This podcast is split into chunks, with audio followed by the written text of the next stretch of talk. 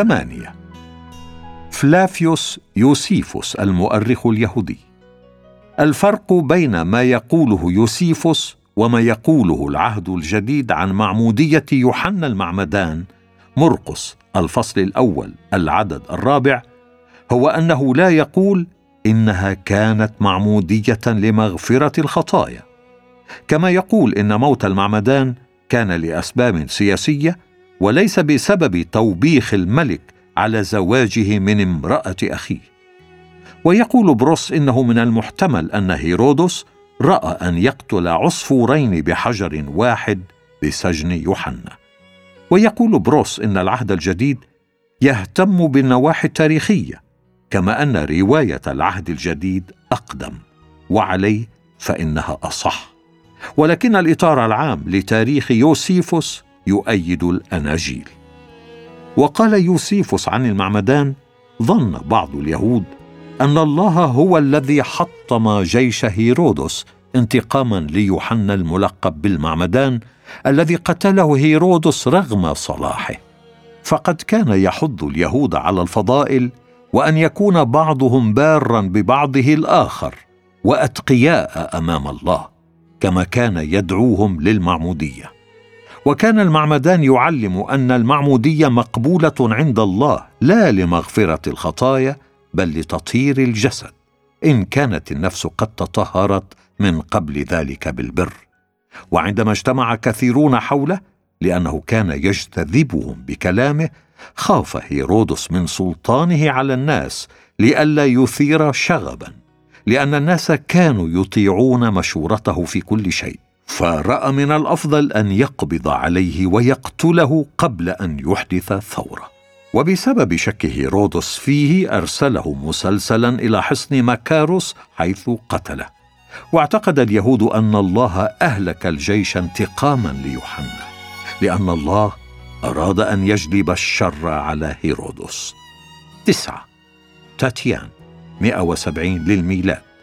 مسيحي أشوري كتب دياتسرون الذي بين فيه اتفاق البشيرين الاربعه رابعا براهين من علم الحفريات والآثار. قال عالم الآثار اليهودي نيلسون جلويك لم يحدث أي اكتشاف أثري واحد ناقض ما جاء في الكتاب المقدس. إن التاريخ الكتابي صحيح تماما بدرجه مذهلة كما تشهد بذلك الحفريات والآثار. ويقول ويليام أولبرايت أحد عظماء علماء الحفريات لا شك أن علم الآثار القديمة قد أكد صحة تاريخ العهد القديم. فانهدمت الشكوك التي قامت خلال القرنين الثامن عشر والتاسع عشر في الكتاب المقدس بعد أن أثبتت الاكتشافات الواحد بعد الآخر دقة التفاصيل الكثيرة التي تؤكد قيمة الكتاب المقدس كمرجع تاريخي. ويقول الأستاذ رولي إن موافقة علماء الآثار على صحة التاريخ الكتابي لا ترجع إلى توفر النظرة المحافظة عند العلماء المعاصرين بل إلى كثرة الأدلة التي بين أيديهم على صحة تاريخ الكتاب المقدس. ويقول ميلر باروز من جامعة ييل لقد محقت الاكتشافات الأثرية نظريات النقد الحديث فقد أثبتت مرارا كثيرة أن هذه النظريات ترتكز على افتراضات باطلة ونظرات تاريخية مصطنعة وغير صحيحة وهذا أمر جدير بكل اعتبار. ويقول بروس إن المواضع التي كان يتهم فيها لوقا بعدم الدقة ثبتت بعد ذلك دقتها بأدلة خارجية مما يجعل من الحق أن نقول إن علم الآثار قد أكد صحة العهد الجديد. ويقول ماريل أنجر مؤلف كتاب علم الآثار والعهد الجديد لقد كشفت الحفريات عن أمم قديمة جاء ذكرها في العهد القديم وأظهرت تاريخ أشخاص مهمين وملأت فراغات كثيرة مما ساعد على فهم التاريخ الكتابي. إن علم الآثار القديمة قد بعث احتراما كاملا للكتاب المقدس كوثيقة تاريخية صحيحة. وظهر أن شكوك بعض العلماء في الكتاب المقدس راجعة إلى تحيزهم ضد المعجزات وليس للتقييم الدقيق للتاريخ الكتابي. لقد رأينا كيف عاونت المخطوطات القديمة التي اكتشفها علماء الحفريات والآثار على التأكد من سلامة النصوص الموجودة معنا للكتاب المقدس وأنها نقلت إلينا عبر القرون بكل دقة وأمان. كما أن التواريخ المسجلة في حفريات فلسطين أكدت سلامة القصص الكتابية مما جعلها موضع الاحترام المتزايد عند هؤلاء العلماء. ويقول السير فريدريك كانيون لقد وجهت انتقادات حادة إلى جزء من تاريخ العهد القديم خلال النصف الثاني من القرن التاسع عشر. ولكن علم الآثار القديمة أعاد إلى هذا الجزء سلطانه كما كشف الخلفية التاريخية له ولم يصل علم الآثار إلى نهاية اكتشافاته ولكن النتائج التي وصل إليها تؤكد ما يقوله الكتاب المقدس إن الكتاب المقدس يستفيد من زيادة معرفة علماء الآثار القديمة. ويقول برنارد درام لقد أعطانا علم الآثار القديمة برهانا على صحة النسخة المازورية. فهناك ما يعرف بختم إرميا وهو ختم يختمون به على البيتومين الذي يغلقون به الأواني التي يحفظون بها الخمور. يرجع تاريخه إلى القرن الأول أو الثاني للميلاد وعليه ما جاء في إرميا الفصل الثامن والأربعين العدد الحادي عشر. وهذا يؤكد لنا صحة النص المازوري. وهذا الختم يؤكد لنا صحة النص الذي انتقل إلينا من وقت عمل الختم إلى وقت كتابة المخطوطات.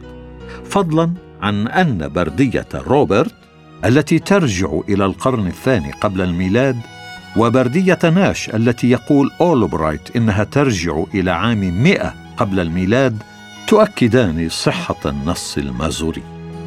ويقول الدكتور أولبرايت إن النور الدافق الصادر من الاكتشافات في أطلال مدينة أوغاريت والذي ألقى بضيائه على الشعر العبري القديم يؤكد لنا أن نشأة الشعر الكتابي قديمة وأن نقله تم بأمانة وصدق. ويقول حتى وقت قريب كان اتجاه المؤرخين الكتابيين أن آباء سفر التكوين جاءوا من خلق خيال الكتبه العبرانيين بعد انقسام مملكة سليمان وأنهم لم يكونوا اشخاصا حقيقيين. ولكن هذا كله قد تغير. فإن الاكتشافات والحفريات منذ عام 1925 أثبتت صدق قصص التكوين كوقائع تاريخية. فإن آباء العبرانيين كانوا من البدو الذين سكنوا عبر الأردن وسوريا وحوض الفرات وشمال الجزيرة العربية في القرون الأخيرة من الألف الثانية قبل الميلاد والقرون الأولى من الألف الأولى. اولا نماذج من حفريات تبرهن صحة العهد القديم. ألف. يقول سفر التكوين إن أصل بني إسرائيل من بلاد ما بين النهرين وقد برهنت الحفريات صحة هذا. ويقول اولبرايت لا شك أن التقليد العبري صادق في أن الآباء جاءوا من وادي باليخ في شمال غرب بلاد ما بين النهرين. ويجيء البرهان من تتبع آثار حركة هؤلاء الناس في خروجهم من بلاد ما بين النهرين. باء. يقول سفر التكوين إنه قبل بناء برج بابل كانت الأرض تتكلم لغة واحدة. تكوين الفصل الحادي عشر العدد الأول. وبعد بناء البرج بلبل الله لسان كل الأرض. تكوين الفصل الحادي عشر العدد التاسع. ويتفق كثيرون من علماء اللغات حاليا على صحة هذه النظرية. ويقول ألفريدو ترومبيتي إنه يستطيع أن يتابع ويبرهن الأصل المشترك لكل اللغات. ويذهب اوتو ياسبيرسون إلى أبعد من ذلك ويقول إن اللغة جاءت للإنسان الأول من الله. جيم. في سلسلة نسب عيسو جاء ذكر الحوريين تكوين الفصل السادس والثلاثين العدد العشرين. وقد جاء وقت ظن فيه الناس أن الحوريين كانوا سكان الكهوف لقرب الشبه بين كلمة حوريين وكلمة كهف العبرية. ولكن الحفريات الحديثة أظهرت أنهم كانوا جماعة من المحاربين عاشوا في الشرق الأوسط في عصر الآباء الأولين. دال خلال الحفريات في أريحة 1930 إلى 1936 للميلاد وجد العالم جارستانغ شيئا غريبا جعله يحرر وثيقة يوقع عليها هو واثنان من العلماء زملائه.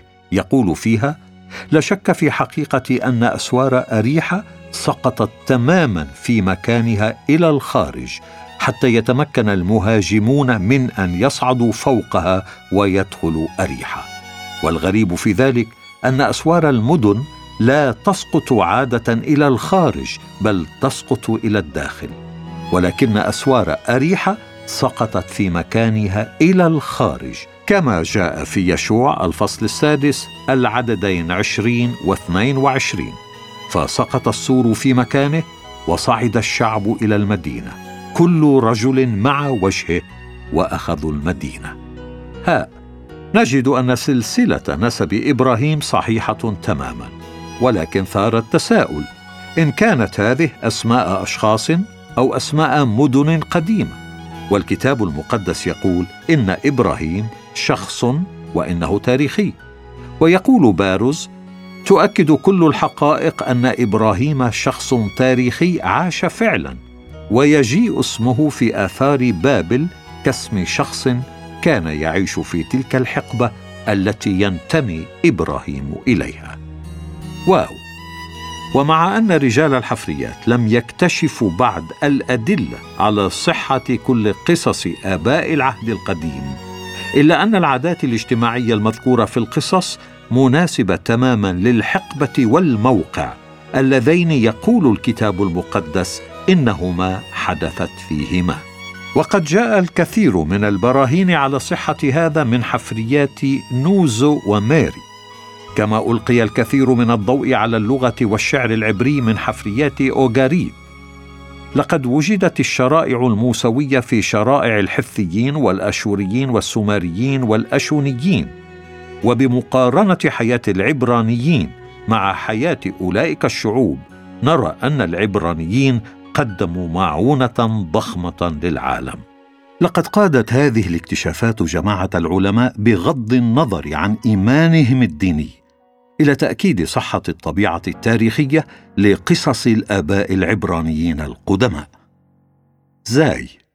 قال الناقد المشهور يوليوس ويلهاوزن في القرن التاسع عشر عن القول بأن المرحضة صنعت من المرايا النحاسية أمر دخيل على القصة القديمة وعليه فإنه يعتقد أن قصة بناء خيمة الاجتماع كتبت بعد عصر موسى بكثير. ولم يكن عند ويلهاوزن برهان على أن المرايا المعدنية لم تصنع إلا في عام 500 قبل الميلاد أي بعد عصر موسى بكثير. ولكن الحفريات أظهرت وجود مرايا برونزية في عصر الإمبراطورية في مصر 1500 إلى 1200 قبل الميلاد وهي الحقبة التي عاش فيها موسى 1500 إلى 1400 قبل الميلاد. حاء ويقول هنري موريس في كتابه الكتاب المقدس والعلم الحديث ما زالت هناك مشكلات بلا حل ونحن نتوقع أن تجيء حفريات جديدة تزيلها كما أزالت الحفريات التي تمت الكثير من اللبس وفي كل ما تم كشفه من حفريات لم يحدث مرة واحدة أن ما اكتشف تعارض مع الكتاب المقدس.